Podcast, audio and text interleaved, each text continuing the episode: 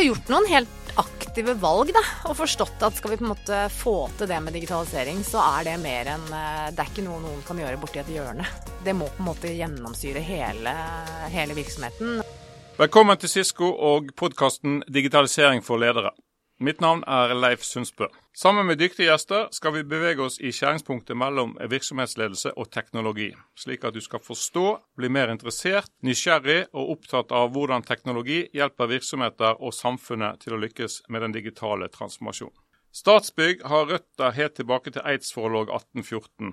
Eidsvollbygningen er en av mange kjente og kjære eiendommer som Statsbygg forvalter, i tillegg til nærmere 2300 bygninger i Norge og utlandet fordelt på 850 medarbeidere, som bestreber å dyrke frem en mer klimavennlig, seriøs og ikke minst digital byggebransje.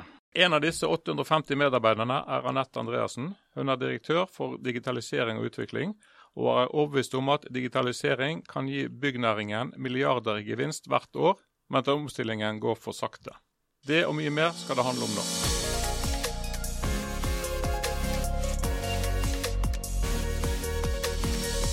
Velkommen til deg, Anette. Takk skal du ha. Eh, jeg hopper rett inn i det. Den hybride hverdagen står jo frem som den store trenden og eh, som pandemien går mot slutten. Og Undersøkelser som Cisco har gjennomført, viser jo at ca. 98% av alle medlemmer eller alle eh, møter vil inkludere eh, minst én virtuell deltaker. Og Dette vil jo stille store krav til teknologi og utformingen på de forskjellige møteplassene på kontoret, slik at alle medarbeidere blir inkludert på, på en god måte, både fysisk og digitalt. Så Hvordan jobber dere i Statsbygg rundt dette temaet når dere planlegger nye bygg eller gjør rehabilitering av, av gamle bygg? Ja, hvordan jobber vi med dette? Det som er viktig er jo, for oss er å jobbe med, med kundene våre eh, og, og, de som skal bruke byggene. Om hva er det de egentlig det de har behov for? Og det er klart Etter pandemien så blir jo problemstillingene litt annerledes. Man har, eh, man har jo tatt et kvantesprang på, på bruk av hybride løsninger og teknologi. Eh, så for oss så er det jo Vi har jobbet med aktivitetsbaserte arbeidsplasser veldig lenge. Det er jo egentlig akkurat det det er. Det, ofte så har det vært en sånn åpen landskap-cellekontor-diskusjon, men det handler jo om aktivitetsbaserte arbeidsplasser. Men jeg tenker blir kanskje enda mer aktualisert nå når vi snakker om hybride, hybride løsninger. Og så tror jeg ingen egentlig har svaret. Jeg tror ikke det er ett svar. Det er vel det vi ser. Man må på en måte se på behovene, og ikke, ikke, de teknologiske løsningene først og fremst, men hvilke behov er det de forskjellige medarbeiderne har i hverdagen, for å gjøre hverdagen lettest mulig. Så vi jobber på, på mange områder med dette her. Så dere lar, lar, kundene bestemme på en måte, da? Ja, eller vi utfordrer jo kundene. Så vi, det, jeg tenker vår rolle er jo som en rådgiver å gå inn og rådgi og, og utfordre på er det, hvilke behov er det, og hvordan kan det løses på andre måter enn det det gjøres tradisjonelt i dag. Og så prøver vi å teste ut litt selv også. Vi har uh, lenge testa ut uh, diverse løsninger i egne lokaler. Uh, litt for å bygge, bygge, erfaring.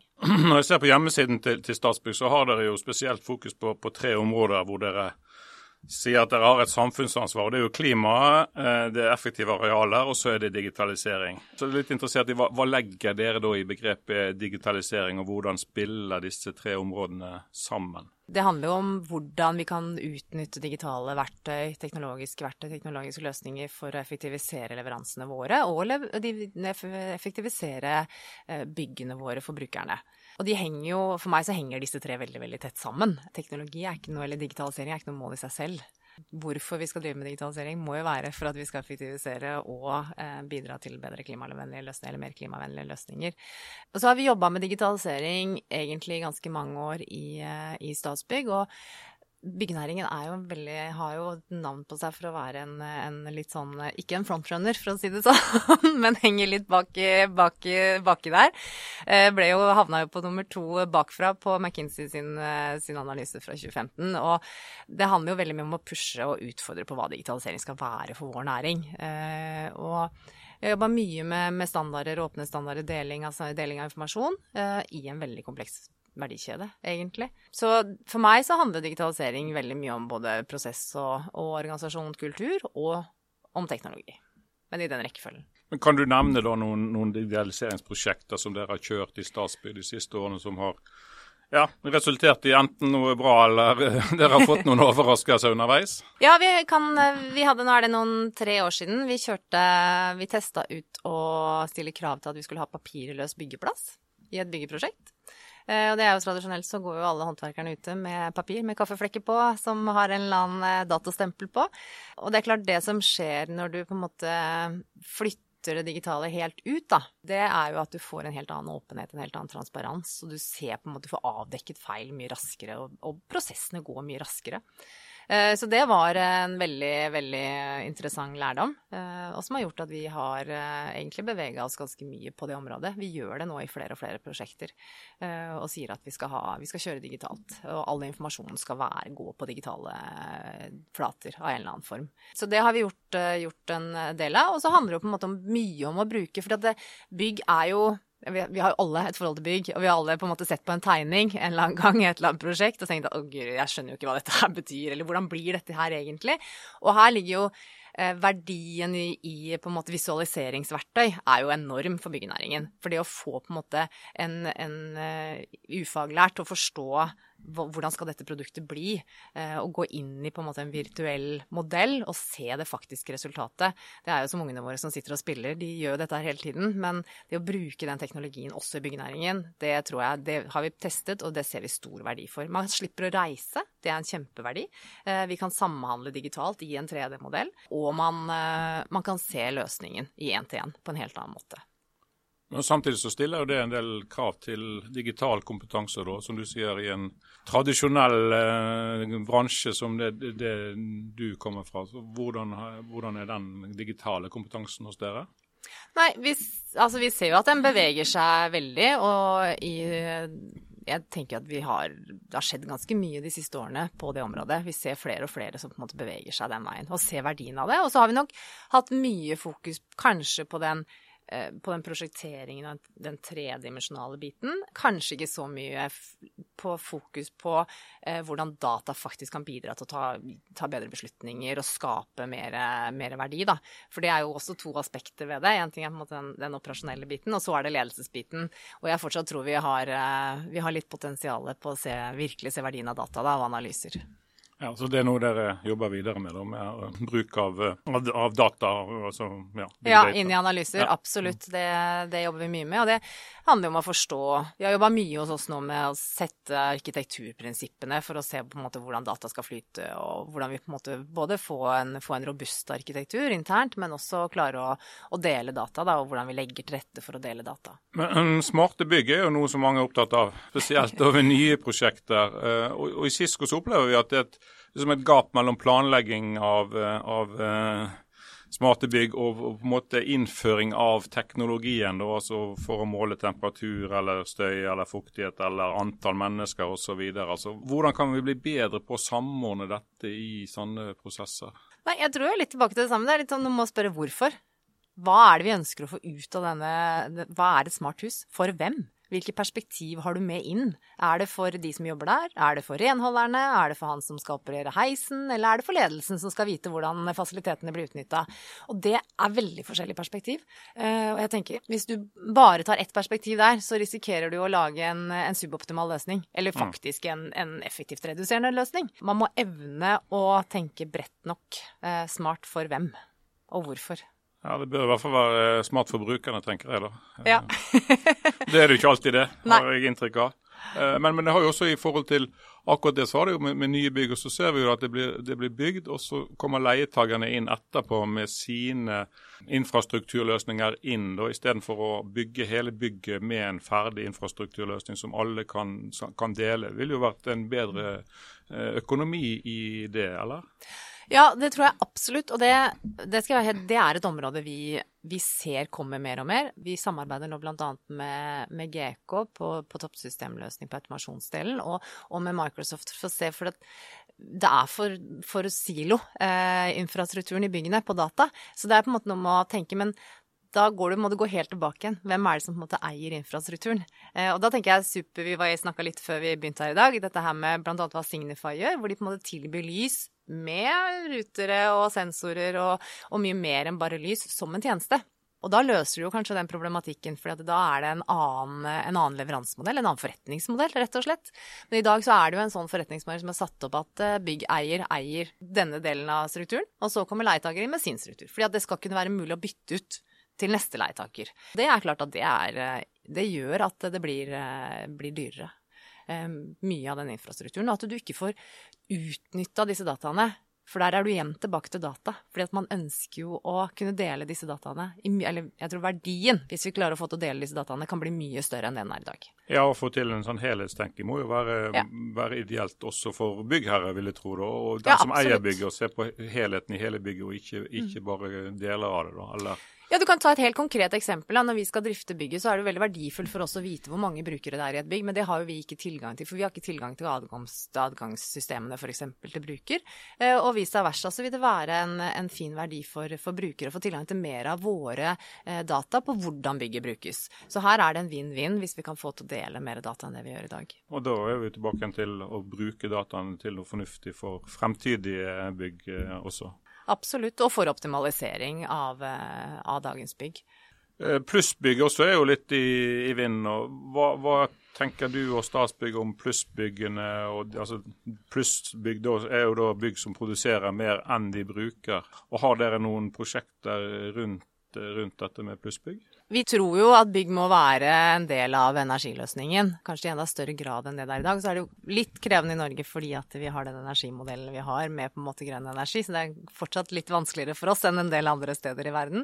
Men ja, vi har det. Vi har et, et Zero Emission Neighborhood-prosjekt oppe på en campus på Evenstad, hvor vi har lokal, mye lokalproduksjon med flere typer lokalproduksjon. Vi tester å ha et, et null, et null og pluss eh, naboskap, faktisk egentlig, hvor vi deler, hvor vi også har testet testet eh, veldig tidlig. Det å sette på bil til grid, bl.a., hvor de kan bruke bilbatteriet som en buffer inn og ut av et, eh, et lokalt grid-system. Så her er det mange muligheter for at bygg kan være med å løse litt av den energiflokken vi har. Og, og hva tenker du sånn i forhold til folk flest og smarte hjem og plusshjem? og altså Er smarthus og eh, plusshjem fortsatt bare forbeholdt eh, nerdene, eller? Nei, jeg tenker altså pluss tenker jeg jo, men det er igjen tilbake hva er incitamentet for å skape et, pluss, eh, et plusshus. Og det er klart, nå har Enova gått bort ifra å subsidiere solceller f.eks., så det er klart det er på en måte noe med hva Hvorfor skal vi gjøre det? Nå går energiprisen opp, kanskje det på en måte stimulerer til at man får mer, mer lokal energiproduksjon. Og sammen med smart så tenker jeg man må man skal vite hva man gjør, og jeg tror det er mange som føler at de har fått noe de kanskje ikke helt klarer å, klarer å styre. Jeg syns jo Rema-reklamen eh, viser at det er ikke alltid det er eh, Det er, det er helt, det beste? Eh, det er fortsatt litt sånn. og det er et bygg, det er et sted vi skal være og ha det bra. Det tenker jeg er Så iallfall på bolig så må man på en måte være litt bevisst på hva man gjør, tror jeg.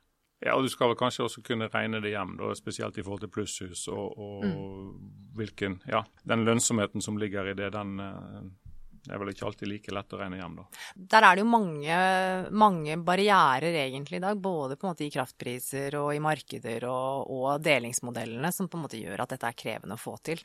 Eh, men hvis vi, hvis vi, skal klare å elektrifisere samfunnet, så må vi jo, ha, må vi jo øke energiproduksjonen. Vi er straks tilbake.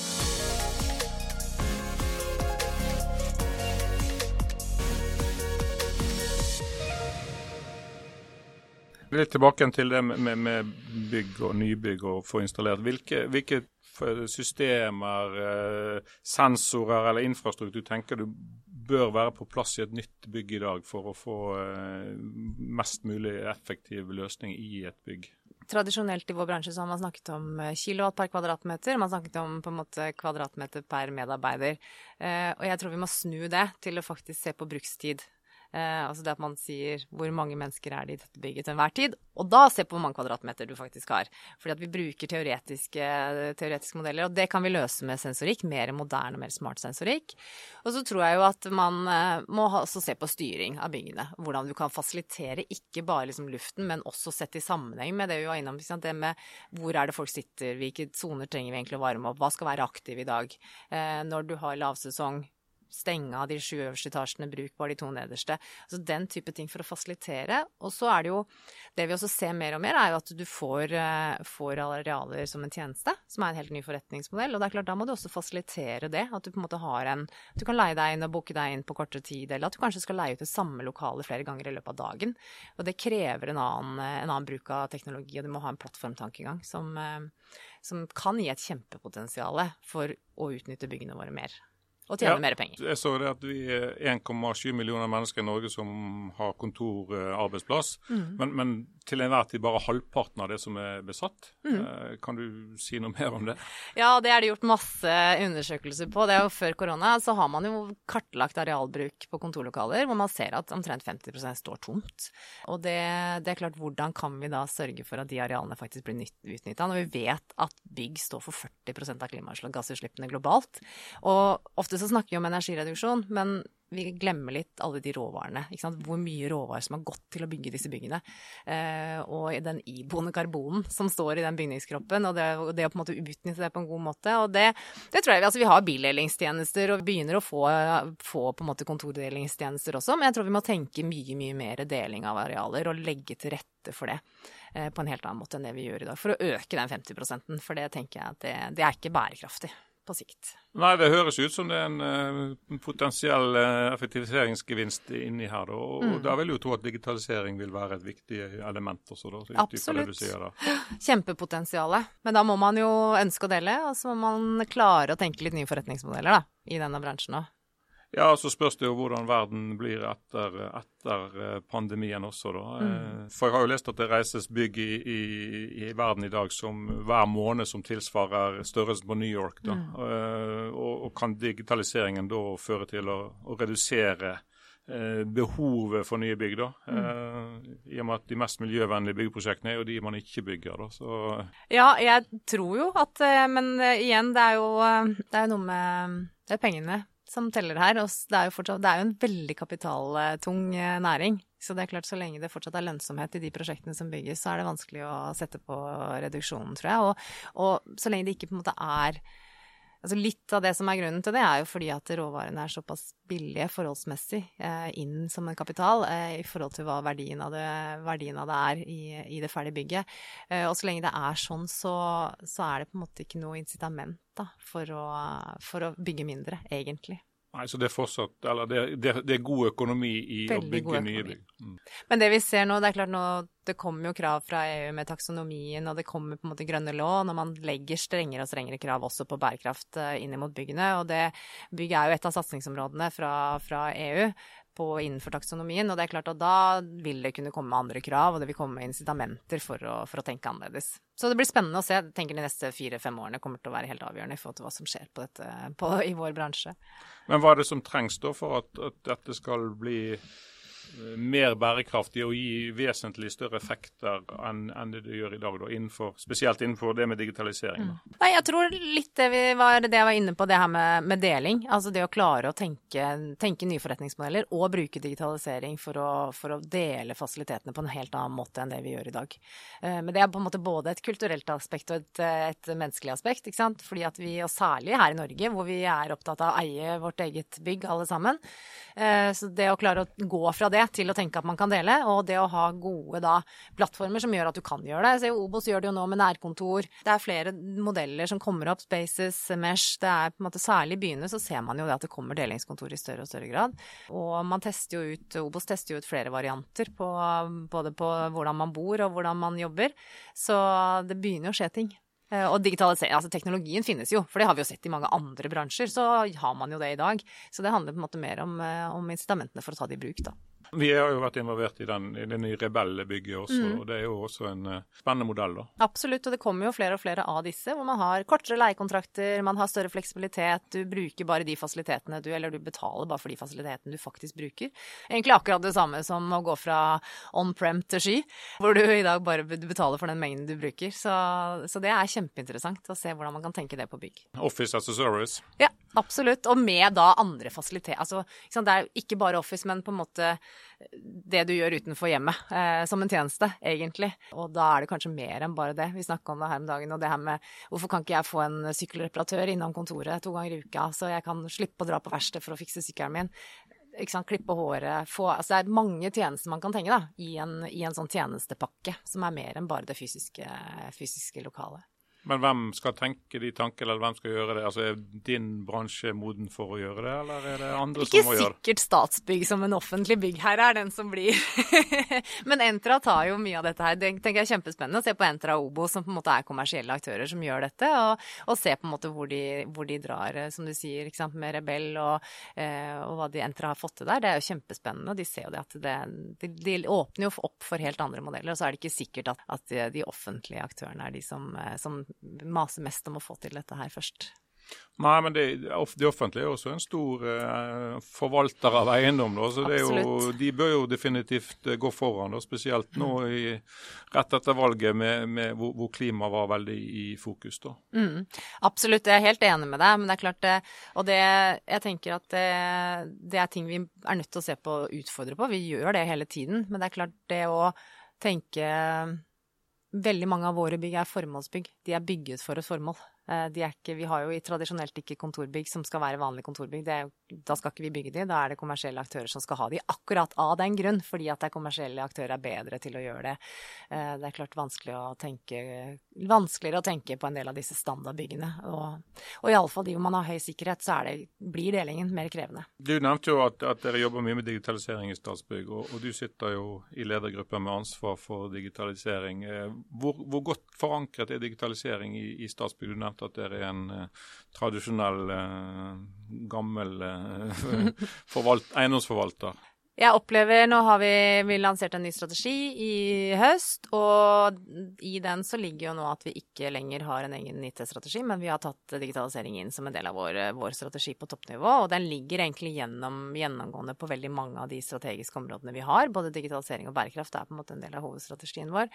Og jeg opplever i høyeste grad at det har skjedd en veldig modning på det. Og det, det jeg kan se veldig tydelig, er at vi fra å være en tradisjonell IT-avdeling som hadde fokus på, på governance-systemene, vi skulle sørge for at fakturaene gikk, så er vi på en måte nå en mye, mye Iallfall beveget oss til å bli en større mer en strategisk partner også mot kjernevirksomheten. Vi jobber mer mot digitalisering av byggene, mot prosjektene, mot på en måte det som er produksjonen, som, som vi ser at vår næring ikke har hatt fokus på i det hele tatt. Og særlig det på drift av byggene og, eh, og den delen av, eh, av infrastrukturen, så har det vært veldig liten forståelse av verdien av de dataene som ligger i byggene. Hvordan kom, kom dere dit? Ja, vi har gjort noen helt aktive valg, da, og forstått at skal vi på en måte få til det med digitalisering, så er det mer enn eh, Det er ikke noe noen kan gjøre borti et hjørne.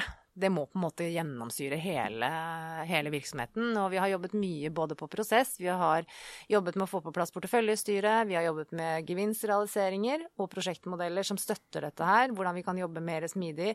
Ikke minst også ha fokus på behov og ikke løsning. har vært veldig viktig for oss for å klare å liksom løfte oss i, disse, i beslutningene.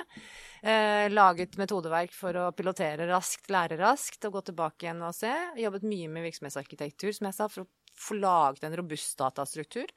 Så dette jobber vi jo med hele veien. Og sikkerhet, ikke minst. Det å ha med sikkerhet i alt vi gjør. Ja, det er jo, det er jo viktig, spesielt eh, at, eh, at, eh, dere ikke, at ikke noen kommer inn og endrer på tegningene underveis når de, når de digitale er.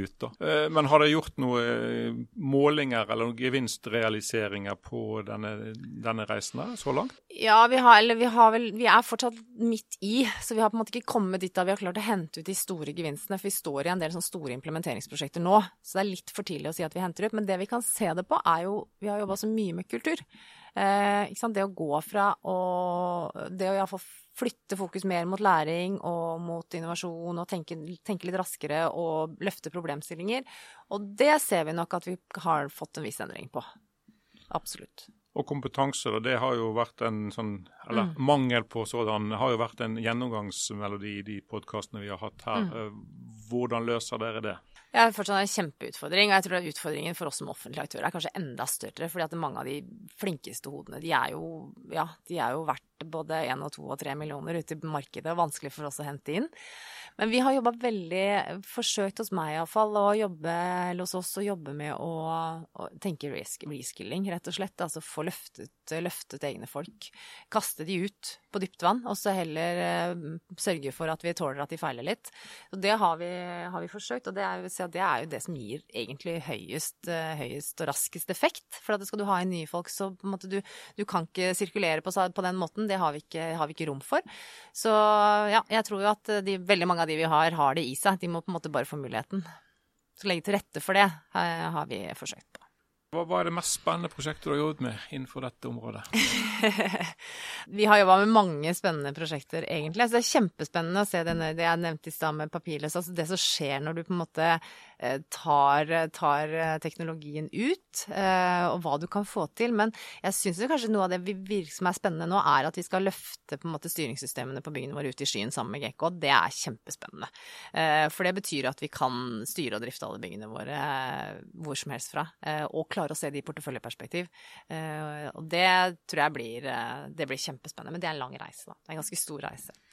Ja da, men det kommer aldri mål på det, regner jeg med. Det, men, men, digitalisering av altså store bygg er jo én ting, da. Eh, smarte hjem og plusshus en annen ting. Eh, hvordan er det med digitalisering av ditt eget hus? det er ikke veldig digitalt. jeg tror på eh, det enkle er ofte det beste, så det ikke, jeg har ikke kommet så langt i min egen digitalisering. Jeg er egentlig ikke så veldig opptatt av teknologi selv. Jeg er mer opptatt av de andre, andre parameterne som går på, på, på kultur og mennesker og prosess. Så det er ikke så veldig digitalt hjemme hos meg. Det er noen andre som er digitaliseringsdirektør der, for å si det sånn. Men hvis du skulle anbefale lytterne å gjøre noe, enten på hjemme eller med egne bygg, hvor, hvor vil du anbefale at de begynner?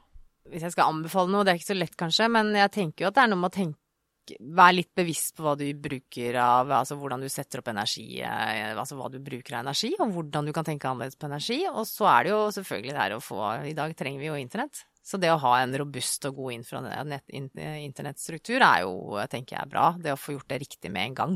For det vet vi jo, at vi har jo ekstendere overalt i huset etter hvert. Iallfall hos meg med tre tenåringsbarn, så er det mye masing om, om bredbånd og kapasitet. Så, eh, så, det tenker jeg er to viktige ting. Se på, iallfall hvis du tenker å gjøre endringer, tenk på hvordan du også kan, eh, kan du tenke nye energiløsninger, og, og hvordan du får satt opp en god infrastruktur. Det tenker jeg gjelder uansett om det er et lite bygg eller et stort bygg. Spørsmål helt til slutt. Vi, vi begynte med, eller Jeg nevnte Eidsvollsbygningen innledningsvis her. Eh, hvordan er den historiske bygningen digitalisert, da? Ja, Det skal jeg ikke begi meg ut på, eh, på detaljene på det, for å være helt ærlig. Og det er klart, der er det jo ganske mye vern som ligger i det bygget der. Så der er det jo veldig begrensa. Det vi gjorde når vi pustet opp den, var jo ambisjonen om å sette den tilbake igjen så mye som mulig. Og så er det klart, det vi har er jo selvfølgelig på brann og på sikkerhet og den type ting, som gjør at vi eh, har mye bedre forutsetning for å ta vare på bygningen i dag enn vi hadde for 200 år siden. Eh, men ellers så er det nok ikke Det er ikke den som på en måte skal være fremst framme. Jeg tror ikke den skal ha ambisjon om å være et smart hus. Men det er jo mye mer teknologi der nå enn det var for 200 år siden. Tusen takk til deg, Anette, og tusen takk for at uh, du lyttet til oss. Uh, denne episoden ble spilt inn 16.9. For at du skal være sikker på at du får med deg den neste episoden og øvrige episoder, så bør du abonnere nå.